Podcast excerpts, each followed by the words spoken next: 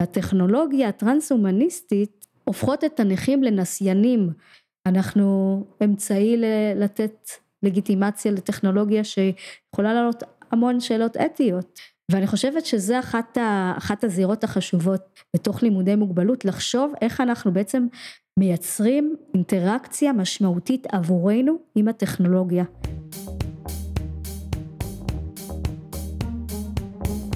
המצב הפוסט-אנושי, פודקאסט על טכנולוגיה, תרבות ורוח, עם דוקטור כרמל וייסמן.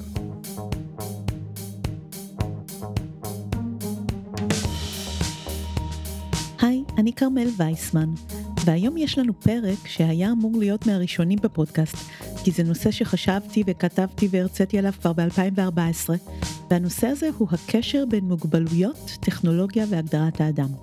אבל רציתי לעשות את זה יחד עם חוקרת ופעילה בנושא הזה, ולזה הצלחנו להגיע רק עכשיו. אז אני מאוד שמחה לארח היום בפודקאסט את... דוקטור נילי ברויר, מהמרכז ללימודי מוגבלות שבאוניברסיטה העברית. אקטיביסטית ואומנית. בפרק נבין מדוע לימודי מוגבלות הם אחד התחומים המאתגרים ביותר להגדרת האדם. איך הטכנולוגיה בעידן הפוסט-אנושי שינתה את כל מה שחשבנו שידענו על נכות, ובאילו מובנים מפתיעים מוגבלות היא בעצם העתיד של כולנו. מתחילות.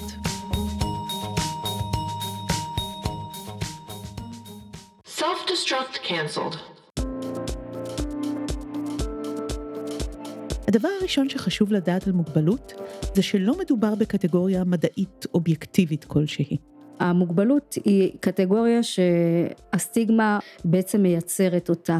היא בעצם קטגוריה שנוצרת מתוך תרבות מסוימת שכל הזמן מגדירה מי הוא השונה ומי בעמדה אה, לא נכונה מבחינת החברה. אבל זה לא הגדרה שהיא ביולוגית, זו הגדרה שהיא תרבותית. הלימודי מוגבלות זה בעצם אה, שדה מחקר בינתחומי שמסתכל בצורה ביקורתית על מוגבלות לעומת אה, גישות יותר אינדיבידואליות אה, רפואיות שעסוקות בפרט ובמידה רבה בתיקון של הפרט. וברגע שמדובר בהגדרה תרבותית אז היא שרירותית, היא יחסית ויש כל הזמן משא ומתן מה נכלל בתוכה. אני זוכרת ששמעתי פעם מחקר באיזה כנס, סליחה שאני לא זוכרת איזה, זו הייתה חוקרת מבר אילן, על אנשים עם הפרעות שינה חמורות שישנים עם מכשירי סיפה בבית, כקבוצה שחותרת להגדיר את עצמה כבעלי מוגבלות, למרות שבעיני החברה הם לא נחשבים כאלה ואין בהם שום התחשבות. לעומת זאת, חישבו על תתרנות, היעדר חוש ריח. איזה מוזר זה שההיעדר של כל חוש אחר מיד מגדיר אתכן כבעלות מוגבלות, אבל לא, לא חוש הריח. למה בעצם? כאילו מתי החברה האנושית עשתה ישיבת מועצת מנהלי החברה והחליטה שדווקא החוש הזה זניח ולא יקבעו לו אחוזי נכות בביטוח לאומי? נכון, אבולוציונית הוא, הוא אמצעי קריטי לקיום שלנו. בריכות הפכו להיות דבר שאנחנו מנסים להימנע ממנו, ואז תתרנות יכולה להיות עוד דבר אה, מיותר ושולי, או אפילו יתרון. אז על אותו משקל גם קטגוריית האדם והאנושי אין להם הגדרה מדעית אובייקטיבית וסדורה. זאת קטגוריה תרבותית, שרירותית, שמשתנה בזמנים ובמקומות שונים. בשיח הפוסט-הומניסטי שמו לב שהאדם בעצם מוגדר ומובחן מקטגוריות אחרות לפי קריטריון של יכולות. אנחנו ממקמים את האדם איפשהו באמצע, על איזשהו ציר, שבו מי שיכולים פחות ממנו אה, נחותים, לא אדם, על אנושיים באלף, ומי שיכולים הרבה יותר ממנו הם גיבורי על ואלים על אנושיים בעין. אבל יכולים מה בדיוק? או. אז גם כאן אנחנו מרמים בבחינה, ובעצם אנחנו בוחרים אילו יכולות נחשבות ומהם המדדים עבור קטגוריית האנושי. כאילו אז מה אם כלב שומע ספקטרום רחב יותר של קול, והטלף רואה ספקטרום רחב יותר של אור? זה לא הופך בעלי חיים לגיבורי על או אלים, כי זה לא נחשב. מה שחשוב זה הדברים שהם לא יכולים. לדבר, לכתוב ספרים, להתפלסף, לוגיקה, רציונל, ליצור טכנולוגיה. והממשק של כל זה עם לימודי מוגבלות הוא בביקורת על השרירותיות של היכולות האלה שנבחרות, ה-abilities שנחשבות לנורמטיביות ורצויות ושלעומתן מוגדרות בכלל ה-disabilities. ופה נכנסת גם הטכנולוגיה לתמונה. אנחנו יכולות לשרטט איזשהו ציר שבתוכו אנחנו ממקמים את הקטגוריה של האדם בעמדה פריבילגית ולעומת זאת יש אוכלוסיות מסוימות שמורחקות מהעמדה הפריבילגית ותופסות מקום אה, שולי יותר. ושם אנחנו נמצא אה, את האנשים עם המוגבלות והמשאלה והתקווה התרבותית היא שאנחנו נצליח לעשות אה, שינוי באותם אנשים, באותן אוכלוסיות, כדי להחזיר אותם חזרה למקום התקין והרצוי. אם אנחנו מצליחים לעשות את השינוי הזה, מצליחים למצוא את הטכנולוגיה הרפואית כדי לשקם את הבן אדם ולתקן אותו, אז החברה בעצם אה, יכולה לנוח על זרי הדפנה, כי אנחנו בעצם השמטנו את השונות הלא רצויה. המשאלה הזאת של תיקון האדם למקום הנורמטיבי היא משאלה שהרבה פעמים לא, לא מתממשת. אבל עדיין יש לנו עוד מניפולציות שאנחנו יכולים להפעיל במקום הפרפורמטיבי. באופן ההתנהלות אה, היומיומית והצגת הזהות של האנשים עם המוגבלויות וכמובן בסוגריים אני שוב מזכירה שזה גם רלוונטית לאוכלוסיות אחרות. בפרק הזה נילי תציג לנו ארבעה מנגנונים פרפורמטיביים של אוכלוסיית בעלי המוגבלויות להתמודדות עם האייבליזם של הגדרת האדם הנורמטיבית. שני המנגנונים הראשונים ותיקים יותר הם רלוונטיים לעולם האנושי הרגיל נקרא לו ושניים הם חדשים יותר, ששייכים לוויכוח המרכזי של העידן הפוסט-אנושי בין טראנס לפוסט-הומניזם. אני ארחיב קצת על הטראנס, ונילי תרחיב הרבה על הפוסט. אבל נתחיל בוותיקים יותר. אקט מסוים שהחברה היא אמביוולנטית לגביו זה לחקות מצב נורמטיבי בעצם שהבן אדם מסתיר את האלמנט המאיים חברתית את המוגבלות ומצליח להציג חזות של אה, נורמליות. ואם אנחנו מצליחים בעצם אה, לעשות את הפרפורמנס בצורה מספיק טובה אז החברה לא מזהה את השונות שלי ולא צריכה גם להתמודד איתה סטטוס קוו נוח לחברה. בכל זאת ברמה האידיאולוגית היכולת לעשות פאסינג היא גם עדיין מאיימת כי אנחנו בחברה לא בטוח מצליחים לזהות נכון את השונה ולהוקיע אותו מתוכנו. בעצם היכולת לעבור כאדם אה, נורמלי זה הפאסינג, זה המשמעות של הפאסינג.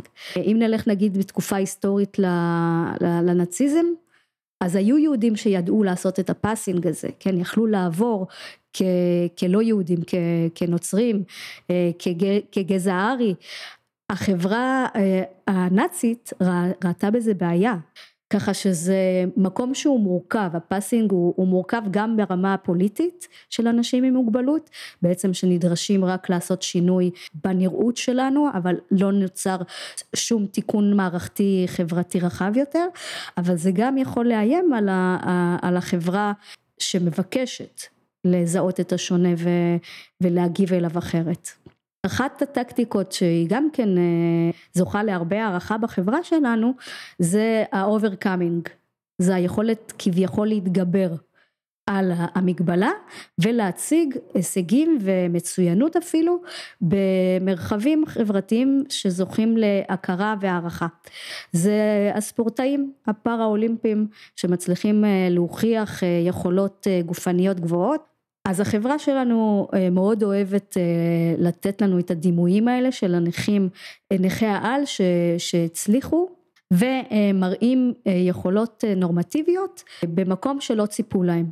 וגם אנחנו יכולים לזהות את זה במרחבים יומיומיים של אימהות, של נישואים, של יכולת לסיים תואר. כשאדם עם מוגבלות מצליח להשתלב בתוכה, הוא נתפס כאדם שהתגבר על השונות שלו.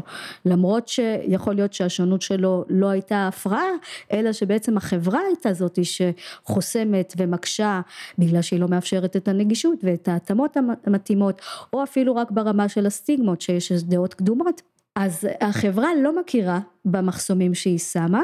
היא מסמנת את ההצלחה כמשהו שרק תלוי באינדיבידואל אז הדימויים האלה שאנחנו נחשפים אליהם הרבה ברשתות החברתיות הם נקראים פורנו השראה כי בעצם הסביבה החברה צורכת אותם אוהבת לחגוג אותם כשאנשים אנשים עם מוגבלות שלא מצליחים לממש את אותם יעדים הופכים להיות הסיבה לכישלון. זה הופך להיות גם כלי שליטה בחברה הרחבה, שאם אותה נכה מצליחה, אין סיבה לאדם הנורמלי לא להצליח, וזה עובד אה, בצורה מורכבת, גם על אנשים עם מוגבלות, אה, שבעצם נדרשים לדחוף את עצמם בצורה משמעותית יותר קדימה, לא משנה מה המחסומים החברתיים וכמה חוסר נגישות בעצם הם צריכים להתמודד איתה ביום יום. וגם החברה בעצם מבינה שאין לה תירוצים אם אותו אדם בעמדה הנחותה, הבעייתית באמת במרכאות, הצליחו למרות הכל. אז עד עכשיו בעצם אנחנו ככה מזהות אה, את התמרון של הפאסינג, של היכולת לעבור כנורמלית, והתמרון השני זה היכולת להתגבר על השונות, בעצם בנראות שלי אני עדיין שונה, אבל אני עושה את הצעד הנכון לכיוון הנכון. אני עכשיו קרובה יותר לאידיאל התרבותי של, ה, של האנושי. אבל במאה ה-21 כל הציר שעליו יושבת הגדרת האנושי עבר זעזוע, וזה השפיע גם על היחס לטכנולוגיות שכרוכות בנכות. בזכות האידיאולוגיה הטרנס-הומניסטית שהשיח שלה שולט בקהיליית הטכנולוגיה ובתרבות הפופולרית, גם אם לא שמענו את המושג הזה מעולם, כל טכנולוגיה כיום, כמעט בכל הקשר, מוצגת כסקסית, כגאדג'ט, כקדמה, כקולית, כרצויה. עברנו מטכנולוגיות נכות שזוהו עם מחלה והוצבו ככל האפשר בצורה של לעבור כטבעיות, פאסינג, להיראות כמה שיותר דומה לאיבר הביולוגי, לטכנולוגיה של אסתטיקה לא טבעית, צבעונית, עתידנית, בולטת מאוד.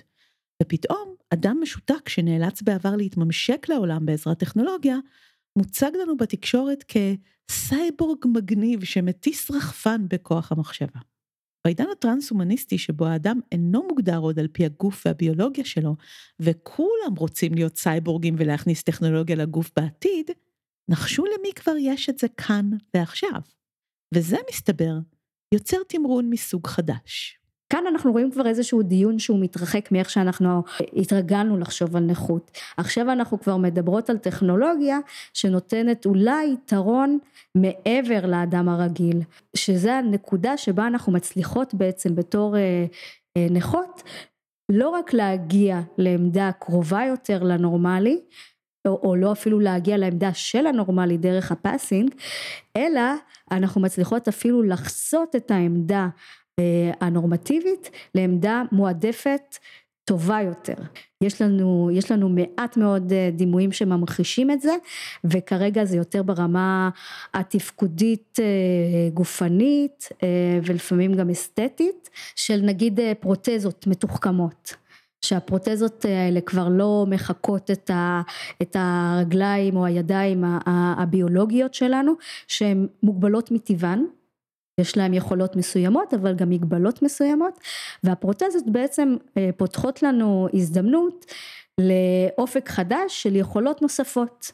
אה, אני יכולה אולי לרוץ מהר יותר כמו שהיה את הדיון הזה לגבי השילוב של ספורטאים אה, נכים לא רק בתחרויות פארה אולימפיות שזה כאילו המרחב שנועד לאנשים עם מוגבלות אלא בתחרויות האולימפיות הנורמטיביות, הנורמליות, שבהם אה, בעצם אין כניסה לאנשים עם מוגבלות עד שהגיעה הטכנולוגיה הזאתי והייתה דרישה בעצם לפתוח את הדלתות של התחרות האולימפית הרגילה. הדיון שם היה בעצם האם זה נותן יתרון לספורטאי הנכה או, או האם הוא יכול להיתפס באמת כשווה. כי הטכנולוגיה הזאתי אולי נותנת יתרון לא פרי אז זהו שבינתיים יש יותר ויותר דימויים שממחישים את זה, ואני אוספת אותם כבר עשור.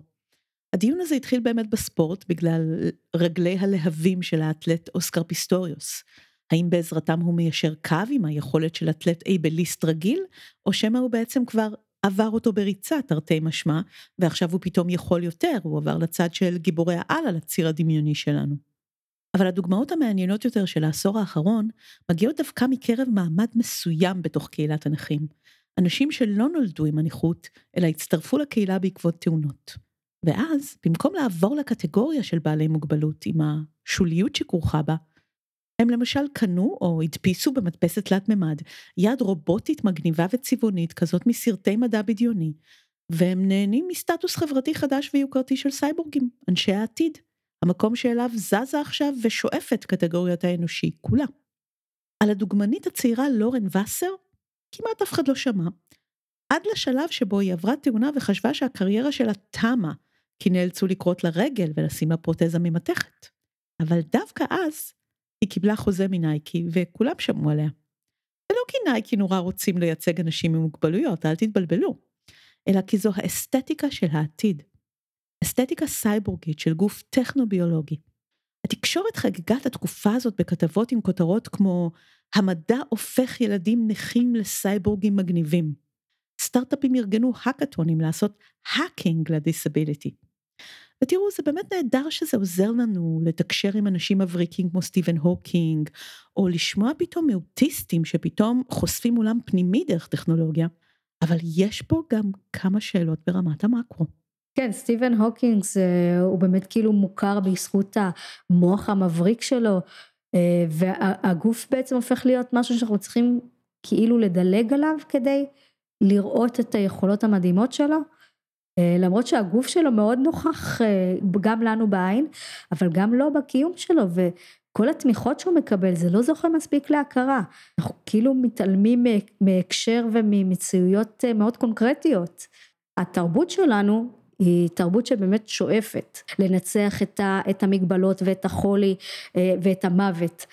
אז הטכנולוגיה הופכת להיות האמצעי אה, שיאפשר לנו להיות משודרגים, אה, חסינים וטובים יותר. השיח הזה של, של התרבות שמנסה ליצור עוד יכולות ועוד מגננות וליצור איזשהו ביטחון וחסינות רבה יותר לכל החברה, הוא בעצם משתקף הרבה פעמים בדמויות של הנכים. כשמסמנים בצורה איקונית את החולשה, את הפגיעות הגופנית, ברגע שלהם אנחנו מוצאים איזשהו פתרון טכנולוגי, אז אנחנו חוגגים את זה. החברה בעצם לא יודעת כמעט בכלל איך לבקר את זה, כי אנחנו כבר מקודדים לראות בזה דבר חיובי. והטכנולוגיה הטרנס-הומניסטית הופכות את הנכים לנסיינים אנחנו אמצעי לתת לגיטימציה לטכנולוגיה שיכולה לעלות המון שאלות אתיות. עד כמה רחוק אנחנו רוצים להתרחק מהמציאות שאנחנו מכירים היום והיכולות הביולוגיות שקיימות היום. השאלות הפוטנציאליות האלה שאמורות להידפק על הדלת מטוטות אה, מתחת לשטיח. אז נגיד אחת השאלות האתיות בעיניי היותר חזקות שעולות פה זה אם אנחנו יוצרים אה, אדם חדש עם super abilities, כן, עם יכולות uh, על, uh, מה זה אומר ברמה המעמדית. אם המוצרים האלה יהיו זמינים לאוכלוסייה פריבילגית, אוכלוסייה בעלת ממון ויכולת לרכוש את המוצרים החדשים, להשתדרג, להשתכלל באמצעותם, בעצם לרכוש יכולות נוספות, לעומת רוב האוכלוסייה בעולם שלא תוכל, והיא תישאר בעמדה נחותה יותר, חלשה יותר, פגיעה יותר. אם אנחנו באים מנקודת המבט הזאת, אנחנו לא מקדמים שוויון חברתי ומאפשרים לאנשים בעמדה נחותה להתקדם לעמדה אה, ראויה וטובה יותר, אלא להפך, אנחנו מגדילים פערים חברתיים ברמה הגלובלית. אז ב-2014 כשהתחלתי להבחין במגמה הזאת ולחשוב על הנושא הזה, הייתה לי דווקא מחשבה אחרת.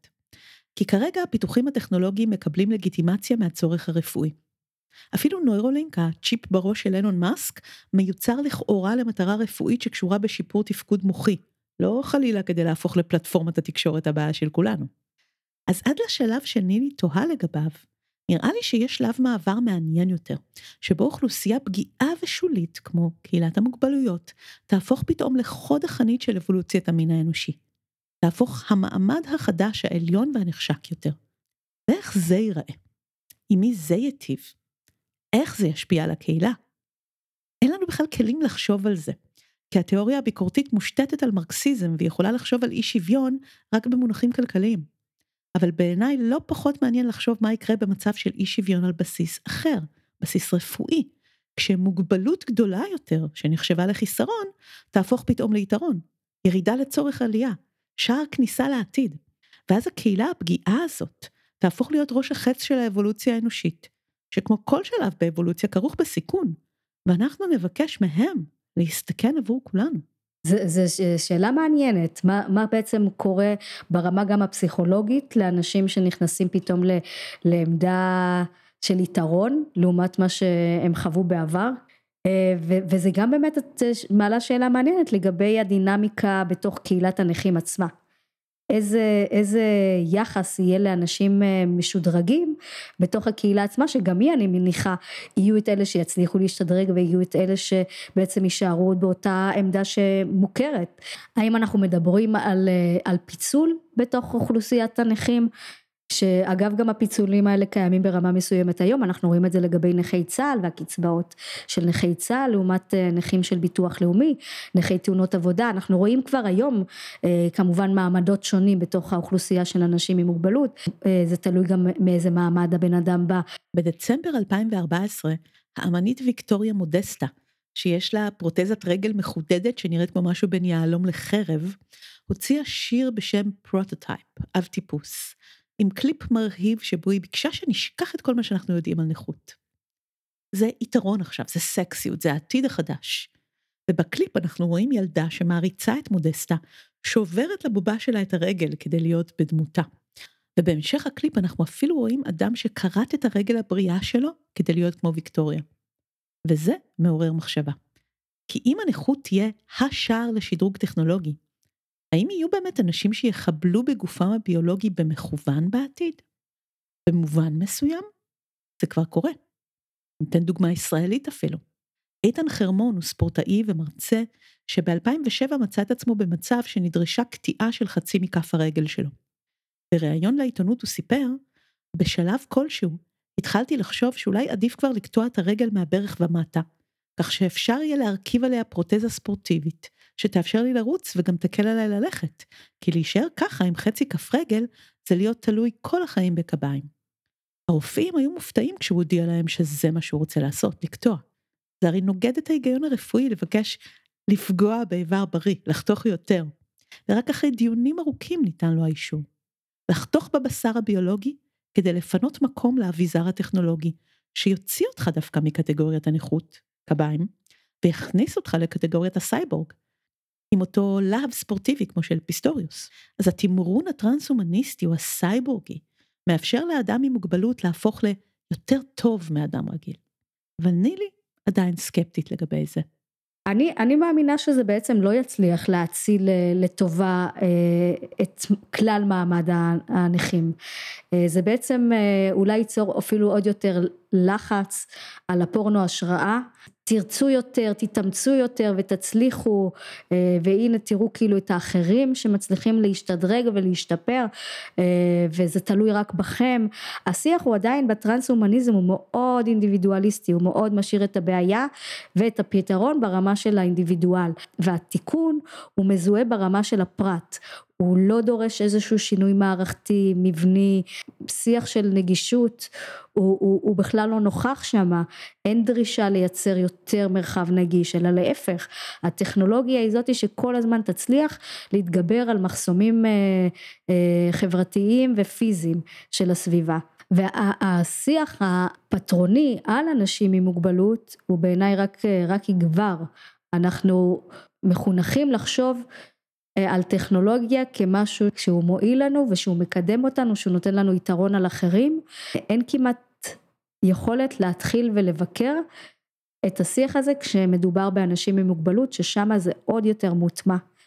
עוד יותר קיימת נקודת המוצא הזאת של אה, טכנולוגיה אה, היא הפתרון, היא זאתי שתאפשר את התיקון הרצוי. ויש גם תמרון רביעי.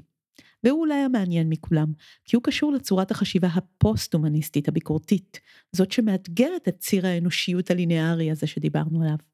וכדי להבין את האלטרנטיבה הזאת ואת התרומה של לימודי מוגבלות לעתיד הפוסט-הומניסטי וליחסי אדם-טכנולוגיה, בואו נכיר קצת את העשייה של נילי. אז אחד המחקרים שהתעסקתי איתם זה באמת uh, סביב ריקודים. אני עצמי בעצם uh, רוקדת בוורטיגו uh, כוח האיזון, שזה קבוצה משולבת של רקדנים עם וללא מוגבלות, אה, תחת כוריאוגרפיה של שרון פרידמן. קהל הצופים מגיעים כבר עם סכמות ועם אה, תבניות לפרש ולעבד את המופע הזה של רקדנים נכים. מתקשים עדיין לראות במוגבלות חלק מאסתטיקה לגיטימית. היכולת שלנו לצפות באסתטיקה שצומחת מתוך נכות הרבה פעמים עוברת קידוד למקום של התגברות על נכות. למרות המוגבלות.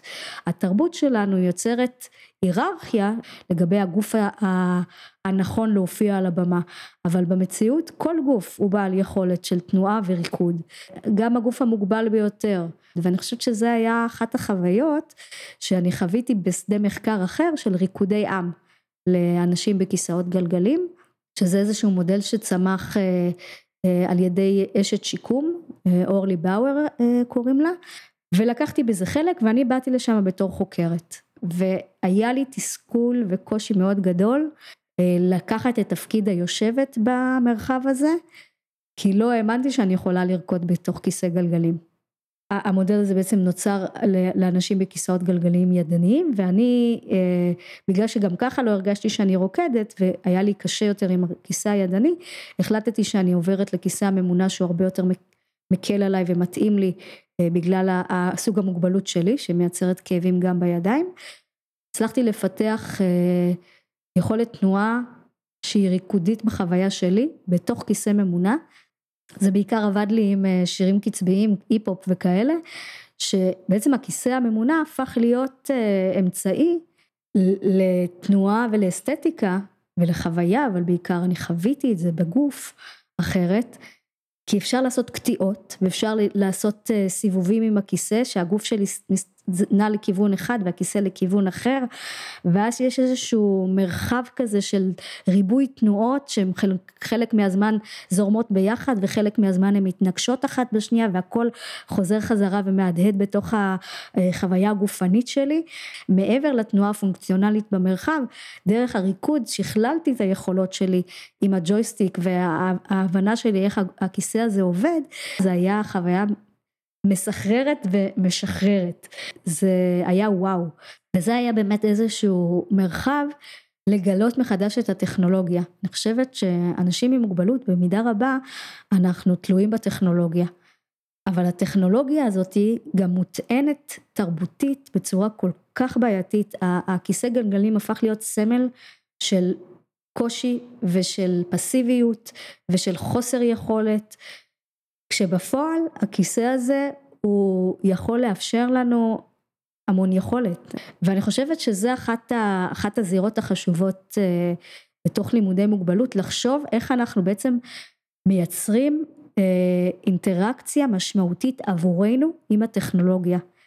הטכנולוגיה הזאת הרבה פעמים נבנית בתוך מרחב אה, ושיח רפואי שיקומי שרואה בנו נקודת התחלה בעייתית ובעצם רוצה להביא אותנו כמה שיותר קרוב, לנורמליות. ואני חושבת שבקהילת הנכים הרצון והצורך הוא ליצור ממשק חדש שלנו עם הטכנולוגיה שהוא פתוח יותר שהוא מאפשר לנו לגלות את הטכנולוגיה ואת המפגש של הטכנולוגיה הזאת עם הגופניות שלנו ועם הנפש שלנו באופן ייחודי אם הטרנס-הומניזם מבין שהנורמטיביות היום היא לא כבר היעד, אבל הוא עדיין מכוון לאיזשהו יעד מתקדם יותר על הציר הזה של האנושיות האבולוציונית שאמורה להתפתח לכיוון הנכון במרכאות, אני חושבת שקהילת הנכים אומרת לא, הערכים שלנו הם אלטרנטיביים, אנחנו בוחרים לבחון את השונות שלנו בציר משלה, בסרגל משלה, ולייצר את הסרגל הזה אם צריך. ביקשתי מנילי לתת לנו דוגמה לערך אלטרנטיבי כזה ולאופן שבו ניתן ליישם אותו במציאות. אז אחד המושגים נגיד שאנחנו מדברים עליו מאוד חזק בקהילת הנכים זה interdependency. אה, אני מתרגמת את זה כעצמאות תלות, מקום שבעצם אומר הבינאריות הזאת שאנחנו מורגלים לחשוב דרכה היא לא הכרחית, בעצם עצמאות ותלות הם לא דברים שמתנגדים וסותרים אחד את השני אלא להפך הם מתמזגים ועובדים יחד ואנחנו צריכים להכיר את זה בתרבות שלנו, זה נכון לאנשים עם מוגבלות וזה נכון לכל אדם בחברה. אנחנו כולנו כל הזמן גם תלויים, אה, זה חלק מהאנושיות שלנו אם תרצי, שהתרבות אומרת לנו שזה בעיה, אבל קהילת הנכים דווקא רוצה לאמץ מחדש את האלטרנטיבה הזאת ולראות בה, בה חלופה ראויה. אז העצמאות תלות אה, היא נגיד איזשהו ניסיון שלנו לזהות את השונות שלנו כמקום שיש בו, בו ערך, יכול להיות בו עונג ויכול להיות בו קרבה ומשמעות. אז אחד הדברים שמעניינים אותי במחקר זה גם עיצוב ואיך אנחנו בעצם רואים בעיצוב כלי לשינוי חברתי, קריפ דיזיין ובעברית הצעתי לתרגם את זה כעיצוב נחות בחטא. זה משחק בין המושג נחות בכף לבין המושג נחות מתוך נחיתות בחטא.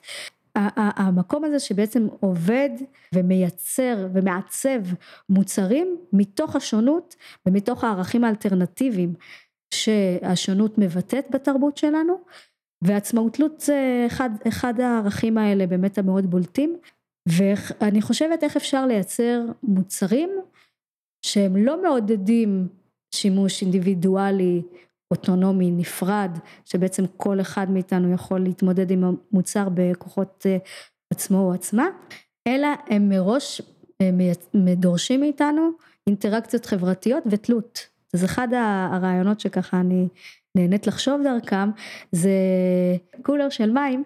אני רציתי דווקא לקחת את המוצר הזה ולייצר מגבלה שתאפשר לנו באמת אה, הזדקקות לאחר והצעתי להפריד בין הכפתור שדרכו אני שולטת בהוצאה של המים לבין הנקודה בה המים יוצאים ואז אני, אני זקוקה בעצם אה, לעזרה שלך וחשבתי כמה שזה יכול להיות משמעותי שבעצם במרחב הציבורי יהיה לי סיבה לגשת למישהי אחרת או למישהו אחר ולבקש עזרה.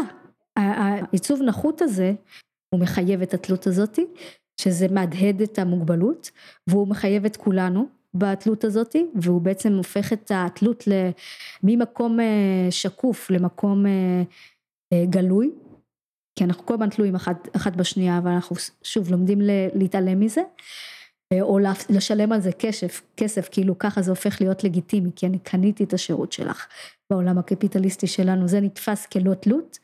אבל גם אני רוצה לשמר את היכולת של אנשים עם מוגבלות להיות בתפקידים השונים. אז נגיד הכפתור הזה הוא יכול להיות שהוא בכלל יהיה איזשהו משבצת על הרצפה שאת צריכה לעלות עם הכיסא הגלגלים ואז את יכולה לשלוט במים. אה, וגם הנקודה של השתייה. אנחנו מייצרים את זה בעיצוב אוניברסלי, אוניברסלי שיהיה זמין לאוכלוסייה מגוונת. העיצוב הנחות הזה הוא לא מאפשר את האינטראקציה ואת הדינמיקה הנורמטיבית הוא חותר תחתיה הוא מביא חזרה את הערכים האלטרנטיביים שהנכות שוב אה, מזמנת ומשקפת והוא גם כן עדיין משנה את התפקידים של אנשים עם וללא מוגבלות באינטראקציה. אז אה, זה, זה איזושהי דוגמה נוספת לאיך אה, בקהילת הנכים אנחנו מנסים לחשוב על טכנולוגיה אחרת ואנחנו מנסות ליצור מתוך הטכנולוגיה הזאתי מציאות חברתית אחרת. לראות איך אנחנו מייצרות מנוף או רמפה אם תרצי למרחב שמתנהל בצורה רדיקלית אחרת מאיך שהתרבות שלנו מכוונת אותנו. יש הוגה שאני מאוד מאוד אוהבת בלימודי מוגבלות, נקרא אה, טובין סיברס, שהוא מדבר על המורכבות שיש אה, בגופניות הנכה. והגופניות הנכה הזאת, אם קודם אמרתי על הכיסא גלגלים אה, הממונה כמה שבעצם אני לא הבנתי את הפוטנציאל שיש בו ובמפגש התנועתי שהוא יכול לייצר, שהמפגש התנועתי הזה יכול לייצר, אה, אז ככה אנחנו מדכ, מדכאים ומדוכאים אה, גם אנשים עם מוגבלות וגם אנשים לא מוגבלות לגבי הגופניות שלנו. ואנחנו רגילים לחשוב ולפעול עם הגוף בצורה מאוד, אה, מאוד מסוימת. אני, אני רוצה עכשיו לשתות כוס מים, אז יש דרך שאני יודעת שבה אני צריכה להחזיק את הכוס למזוג בה את המים ולשתות לשתות אותם. אבל יש אנשים עם מוגבלות שלא יכולים לשתות בצורה הזאת. ואז הם יכולים לפתח צורה חלופית. לייצר איזושהי התנהלות אחרת. חלק מהפעמים זה יהיה ברמה של, של עזרה. באמת אדם נוסף שיצטרך אה, לסייע. וחלק פעמים זה יהיה טכנולוגיה כמו קש. אבל אני רוצה גם לקחת את זה מעבר לזה. ויש אה, אומנית ואקטיביסטית נכה שמדברת על זה שהיא במרחב הציבורי נמנעת אה, להחזיק את הכוס בדרך שהיא רגילה לה שזה עם הפה. פשוט תופסת את השוליים של הכוס עם הפה וככה היא יכולה להסתובב איתה עם הכיסא גלגלים והיא נמנעת מזה בגלל שהיא הבינה שהחברה לא מגיבה לזה טוב. זה יוצר המולה סביבה, זה זוכה ליותר מדי נרות. אבל כשאנחנו מבינים המורכבות הגופנית של כולנו היא הרבה יותר רחבה ממה שאנחנו אה, לומדים, אז זה יכול לפתוח פתח לכולנו לקחת את הכוס בכל מיני צורות.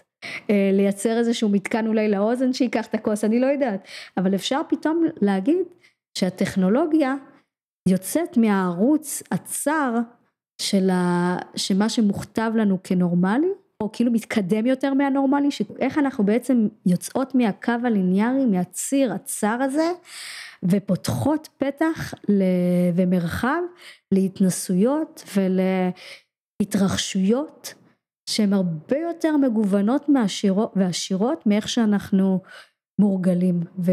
ורואים בכלל כאפשרי. ופה זה מתחבר לפוסט אנושי. חושבת שהפוסט אנושי מדבר אה, באמת על מגוון ומנעד הרבה יותר רחב מאשר הטרנס-הומניזם הזה שממשיך בקו הליניארי שאומר לנו מה, מה הכיוון הנכון להתקדם דרכו, אבל בעצם משכיח מאיתנו המון המון אפשרויות אחרות. יש עוד אפשרויות שהן לא, לא הדיפולט שלנו והן לא אוטומט שאנחנו מורגלים אליו, החלופה הזאת היא תיצור המולה ותיצור תגובות והיא לא רצ... נתפסת כרצויה, אבל עדיין היא, היא משהו שאנחנו יכולים לחקור ולבדוק ויכולות לצאת משם חוויות ו... והזדמנויות חדשות שיש בהן גם המון כוח. גם בטרנס-הומניזם יש שיח מעצים של שונות וגוונים אנושיים, אבל זה ממקום אחר לגמרי של אתוס ליברטריאני כמעט. כאילו שכל אחד יעשה מה שהוא רוצה. מתוך הנחה שלכל אחד יש את האפשרויות, כי כולנו משודרגים, מאושרים ועשירים בעתיד. אז אחרי השדרוג, תגדלו אוזני ארנב, תזהרו כמו מדוזה מצידנו, כי diversity. אבל נילי מדברת על משהו אחר. שמדומה לפוסט-הומניזם הביקורתי, אנחנו לא הופכים הלכה למעשה למשהו אחר. אנחנו מסתכלים אחרת לגמרי על עצמנו ועל מה שיש, ואז משהו חדש קורה שם. חוקר פוסט-הומניזם פולני בשם יאן סטסיאנקו, יזם פרויקט מחקר מרתק עם ילדים בעלי מוגבלות, שהופעלו בסביבת גיימינג במציאות מדומה, שתוכננה על פי צורת התנועה הייחודית שלהם, ובעצם פתחה אפשרויות חדשות עבורם. כי אולי ביחס לילד רגיל התנועתיות שלהם הייתה מוזרה, אבל במרחב פנטזיה של משחק, התנועתיות אפשרה להם להיות דרקון יותר טוב, או דמות מאוד מעניינת שהתנועה שלהם מתאימה לבול, והפרויקט היה הצלחה מטורפת. זאת אחת הסיבות שבשיח הפוסט-אנושי בכלל לא אוהבים לדבר על בעלי מוגבלויות, אלא בעלי יכולות אחרות. זה להגיד שהיכולות שהחברה כרגע מעריכה כנורמטיביות וטיפיקליות, הן שרירותיות לחלוטין, הן יכולות להשתנות מחר. אז יש אנשים עם יכולות אחרות, וחלק מהיכולות הללו מותאמות במיוחד לזירות אחרות, כולל זירות טכנולוגיות ועתידיות. קוראים לזה המודל האפרמטיבי בלימודי מוגבלות, המקום שנותן תוקף דווקא לשונות הלא לגיטימית, זאתי שנתפסת כלא רצויה ומנסה ליצור ולחוות מתוך השונות הזאתי ולתת ערך לדברים שלא ניתן להם ערך, אני חושבת שזה הייחוד של הגישה האחרת. האם הטרנס-הומניזם כל הזמן אומר לנו קודם נתקדם ונהיה יותר טובים ויותר טובים ועם יותר יכולות והיכולות האלה שוב הם, הם, הם תחת סרגל כבר מאוד מאוד מסוים שמכתיב לנו את היכולות הרצויות פה זה לא, זה, זה הזדמנות להישאר כאילו בעמדה הנחותה שלנו ולצמוח מתוך העמדה הזאת, זה לא להיות פחות פגיעים ועם יותר יכולות, אלא זה, זה לעבוד עם הפגיעות ולראות את הערך שזה מביא, לראות את התלות ואת המשמעות שהיא נותנת לנו, לחיות אה, במקום שהחברה מזהה כבעייתי ולגלות את היופי שבו. עכשיו זה לא, זה לא מהלך קל, הוא באמת מורכב כי גם אנחנו אנשים עם מוגבלות חיים בתרבות ההגמונית דומיננטית הרחבה ומתקשים בעצם לראות את ההזדמנויות האלה כאופציה. אנחנו צריכות, צריכות בעצם ליצור תרבות משלנו ולייצר שיח פנים קהילתי כדי לחשוב על האפשרויות האלטרנטיביות האלה. תרבות החרשים בעצם מתקיימת כקהילה שרואה ערך בשונות שלה ודורשת הכרה בשפת הסימנים ובייחודיות שלהם, בלי רצון אה, להשתדרג ולהיות מתוקנים. ב-2016 במסגרת מושב בכנס שארגנתי שעסק בנושא הזה, דוקטור דוב גרינבאום ממרכז צבי מיתר בבינתחומי ואוניברסיטת יייל, הציג כמה מחקרים מעניינים מארצות הברית. למשל, מקרה של הורים עם חרשות שביקשו להוליד ילד חירש וסירבו לאפשרות הטכנולוגית שיכלה לדאוג בקלות שייוולד להם ילד שומע. גרינבאום ייצג בכנס הזה עמדה משפטית שמרנית שדאגה לרווחת הילד וביקשה להציל אותו מגחמות הוריו ולדאוג שהוא יחיה בהתאם לסטנדרט תקין של החברה ההומניסטית. זאת עמדה שעוררה המון מחלוקת. אני מכירה את זה בהקשר של זוג לסביות שבעצם רצו תרומת זרע וביקשו את זה מידיד אה, חירש. רצו להביא לעולם אה, ילדה או ילד אה, עם חרשות, כי הם לא רואים בזה בכלל בעיה או מגבלה. הם ראו בזה משהו שהוא חלק מהזהות שלהן ושייכות לקהילה שלהן. אז חלק מקהילת החרשים באמת יוצאת בצורה מאוד ברורה נגד טכנולוגיה מתקנת, כמו השתל הקוכליארי, ורואות בזה הכחדה של, ה, של התרבות שלהם. אה, יש אה, אקטיביסטית אוטיסטית, היא יצרה סרט, אה, סרטון ביוטיוב, שככה זכה לתפוצה מאוד רחבה, שהיא בעצם מראה לנו איך היא חווה את העולם, אנחנו בעצם לא נבין מה היא עושה, אבל היא בעצם יוצרת אינטראקציה הרבה יותר עשירה עם הדברים שסביבה. אז היא לוקחת עט והיא שמה אותו בפה ונוגעת במים ועושה איתם אה, רעשים והיא מקשיבה למוזיקה שנוצרת במגע עם המים והיא מתנדנדת ולנו מבחוץ זה נראה לא בסדר. מהעין האיביליסטית הנורמטיבית אנחנו רואים בזה משהו שהוא לא, לא תקין אבל במציאות של, של, של אוטיסטים זאת החוויה עם העולם שהיא היא, היא מלאה היא, היא עשירה. לא, לא צריך לתקן את זה. הם, הם רואים את, ה, את האושר שלנו הוא בעצם לא זמין. אה, מתוך אה, חשיבה נוירוטיפיקלית, כפי שהקהילה האוטיסטית מכנה את מי שלא אוטיסט. אז, אז יש לנו פה היום כבר קהילות שבאמת מדברות ומדבררות אה, אחרת את המפגש האנושי עם, הטכנולוגיה. הפוסט הומניזם אה, בעצם חותר גם לשם. ואולי אנחנו בעצם צריכים להכיר בזה כמשאב ולא לראות בזה משהו שדורש שינוי ותיקון. ולצערי האנשים עם מוגבלות היום לא מזוהים כמשאב בשום, בשום זירה. למרות שבעיניי יש המון ניצול. אם דיברנו קודם על הטרנס-הומניזם שהטכנולוגיה החדשנית הזאת היא הופכת להיות אה, אה, אמצעי שמנוסד קודם כל על אנשים עם מוגבלות, הם, הנסיינים הראשונים, לומדים דר, דרכם על הטכנולוגיה החדשה הזאת וגם זוכים ללגיטימציה תרבותית, ופה זה ניצול סימבולי אה, כמו שאני מכנה את זה, אה, והם לא מזוהים כמשאב, הם מזוהים כמישהו שבאים לעזור לו. הכוח בעצם נשלל מאיתנו, מהנכים, בגלל שאנחנו בעצם בעמדה של אלה שנזקקים. במקרה של הספקטרום האוטיסטי יש באמת שיח ער בארצות הברית שמובילה אותו חברת הקהילה השנויה במחלוקת דוקטור טמפל גרנדין, מחברת רב המכר המוח האוטיסטי. גרנדין מזוהה עם אמירות כמו חצי מסיליקון ואלי על הספקטרום, או אם תרפאו את האוטיזם דרך גנטיקה לא יהיה דור עתיד לסיליקון ואלי. ובאמת יש כרגע מצב שבו קהיליית הטכנולוגיה רואה באוטיזם סוג של משאב, שאפשר לנצל אולי את הקושי בתקשורת אנושית כיתרון לתקשורת עם מכונות. אבל התחושות לגבי זה מעורבות. אז עכשיו אפשר להגיע סוף סוף לתמרון הרביעי, שהוא ברוח הפוסט-הומניזם הביקורתי, והוא המוצלח, מומלץ, רצוי מבין האפשרויות. אז אם דיברנו על, ה, על קהילת הנכים ועל המודל האפרמטיבי ואיך אפשר בעצם לתת תוקף ומשמעות וערך לשונות מתוך השונות ולא לנסות להידמות לנורמליות אז יש איזשהו פרפורמנס אה, נוסף איזשהו תמרון נוסף ש... אה, טובין סיברס שקודם אה, הזכרתי אותו מדבר על המסקרייד נשף מסכות של מוגבלות שבעצם אנחנו מקצינים את המוגבלות מעבר להכרחי אם בן אדם אה, לומד לנרמל את עצמו ולהיות כמה שיותר קרוב אה, לנורמה ודווקא למחוק את השונות, אז יש אה, פעולה הפוכה שאומרת בוא נגדיל את השונות. גם אם אני לא, לא חייבת את הכיסא הממונע ואני יכולה להסתפק בקביים, אז לא, אני אקח דווקא את האמצעי הטכנולוגי היותר קיצוני ואני אעבוד איתו.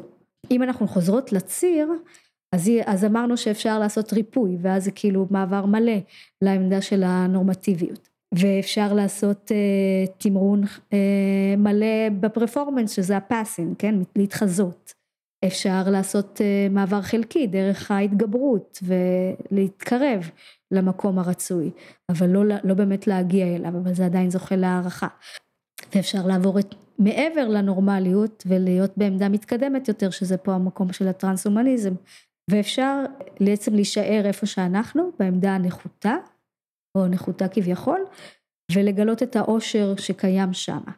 סיברס בעצם הוסיף לנו עוד תמרון בזה שהוא אומר, אני יכולה לשחק עם המוגבלות שלי ולהקצין אותה מעבר לקיים, מעבר למה שאני מורגלת בו, ולגלות עושר נוסף. את כאילו נשארת על הקו הליניארי, אבל את תופסת עמדה נחותה יותר. את בעצם מידרדרת אחורה. ובדרדור הזה, לפעמים יש לו עניין תפקודי במובן של להקל עלינו. במקום שאני אעשה מאמץ נוסף, אני אוריד ממני מאמץ. אה, יכול להיות לזה אלמנט פרפורמטיבי שמזכה בתגמולים. זה גם כן אחת הזירות שככה חקרתי, אה, של איך אנחנו בעצם בוועדות הרפואיות של הביטוח לאומי, יש שם מרחב אחר לחלוטין ממה שאנחנו מורגלות בו, ואנחנו דווקא אמורות להקצין את החריגות שלנו, אה, להדגיש את הסטריאוטיפ של הקושי ושל המסכנות, כדי לזכות בהכרה, בהכרה המקסימלית. שזה מרחב שהוא קונפליקט מאוד לא נעים אה, לרובנו, כי אנחנו מחונכים בדיוק ההפך לעשות. ברמה אחרת, פוליטית, אפשר לחשוב על זה גם כמקום משחרר, אם זה לא היה תחת העיניים הבוחנות והמפקחות של אה, רופאי הביטוח הלאומי ובעלי התפקיד הבירוקרטי. אני ואח שלי, לפני שנכנסנו לוועדה הרפואית הראשונה שככה אני זוכרת, בגיל 18, עשינו סיבובים אה, מחוץ לוועדה כדי לעייף את עצמנו, זה היה עוד שלב שעוד לא הייתי עם כיסא גלגלים. ופה דווקא אח שלי אמר לי, אנחנו חייבים דווקא לעשות הליכה מיותרת ומאמצת, כדי שיהיה לנו את הכאבים, ואז הרופאים יראו כמה קשה לנו. בעצם נדגיש את הכאבים ואת הקושי. ואני זוכרת שעשינו ככה סיבובים מחוץ לחדר הוועדה, ונורא צחקתי מזה. זה ממש שעשע אותי. פתאום האפשרות הזאתי, שהיא לא הייתה מוכרת לי. דווקא לבזבז אנרגיות כשאין שום יעד, זה הליכה סיבובית. זה, החוויה הזאת ככה נחרטה בי והדגישה לי את, ה, את העונג שיכול להיות גם מההקצנה, מהמסקוריידס, מהלצאת מה, מהמאמץ שלנו של דווקא ל, להיות בסדר ולדאוג לגוף ולדאוג לנראות שלנו ולעבור כמה שיותר אה, בצורה נורמטיבית ולשחרר את זה ולגלות מציאות אחרת, שיכול להיות שהיא תיצור לי אחר כך את הכאבים. אגב, לוועדה זה לא היה באמת מועיל, כי הכאבים הגיעו רק יום אחרי, אבל מותר לי, מותר לי להכיר את הגוף שלי גם ככואב, מותר לי לעשות את המאמץ הזה. כי הדיכוי הזה של בלשלוט כל הזמן בכמות התנועה, הוא, הוא קושי, הוא קושי גדול. אגב, לגבי מוגבלויות אה, לא, לא נראות, כאלה שלא ניכרות על, אה, על הגוף, או על הטכנולוגיה שמאוד מהדהדת את, ה, את הסימן הזה של הנכות. שם גם ל masquerade יכול להיות תפקיד מאוד משמעותי, כי בעצם אנחנו מחצינות החוצה משהו שהוא לא מוכר, הוא לא ידוע בכלל לסביבה שלנו. במקום לעשות פאסינג ולשמור את זה בסוד ולהתאמץ על הסוד הזה, דווקא להוציא את זה החוצה בצורה יותר קיצונית כדי שהסביבה תכיר בזה ושהיא תוכל בכלל להתחיל לתקשר עם זה זה בעיה מאוד גדולה שאנשים שהמוגבלות שלהם לא מספיק גלויה לעין, הם לא זוכים להכרה. הם נתפסים כעצלנים, כטיפשים, הם כל הזמן במאבק על הלגיטימציה שלהם לעשות פחות. אני עברתי התקף לב בשנה שעברה. מי שלא יודעים ראו פרק בונוס בין פרקים 41 ל-42 ואני עדיין עם תפקוד לב נמוך. הייתה תקופה שבקושי יכולתי ללכת ושהיה קצת קשה לדבר אפילו ברמת אורך הנשימה. אז היה לי טוב באותה תקופה דווקא לעשות הרבה פחות ממה שאני יכולה, ולא לדחוף את עצמי להחלים. זה נתן לי סוג של עונג וגם חוויית מסוגלות, ובמובן מסוים אפשר לומר שהייתי בעלת מוגבלות, אולי מוגבלות זמנית. אה, קודם כל אני אומרת ש... שנכות זה דבר מדבק.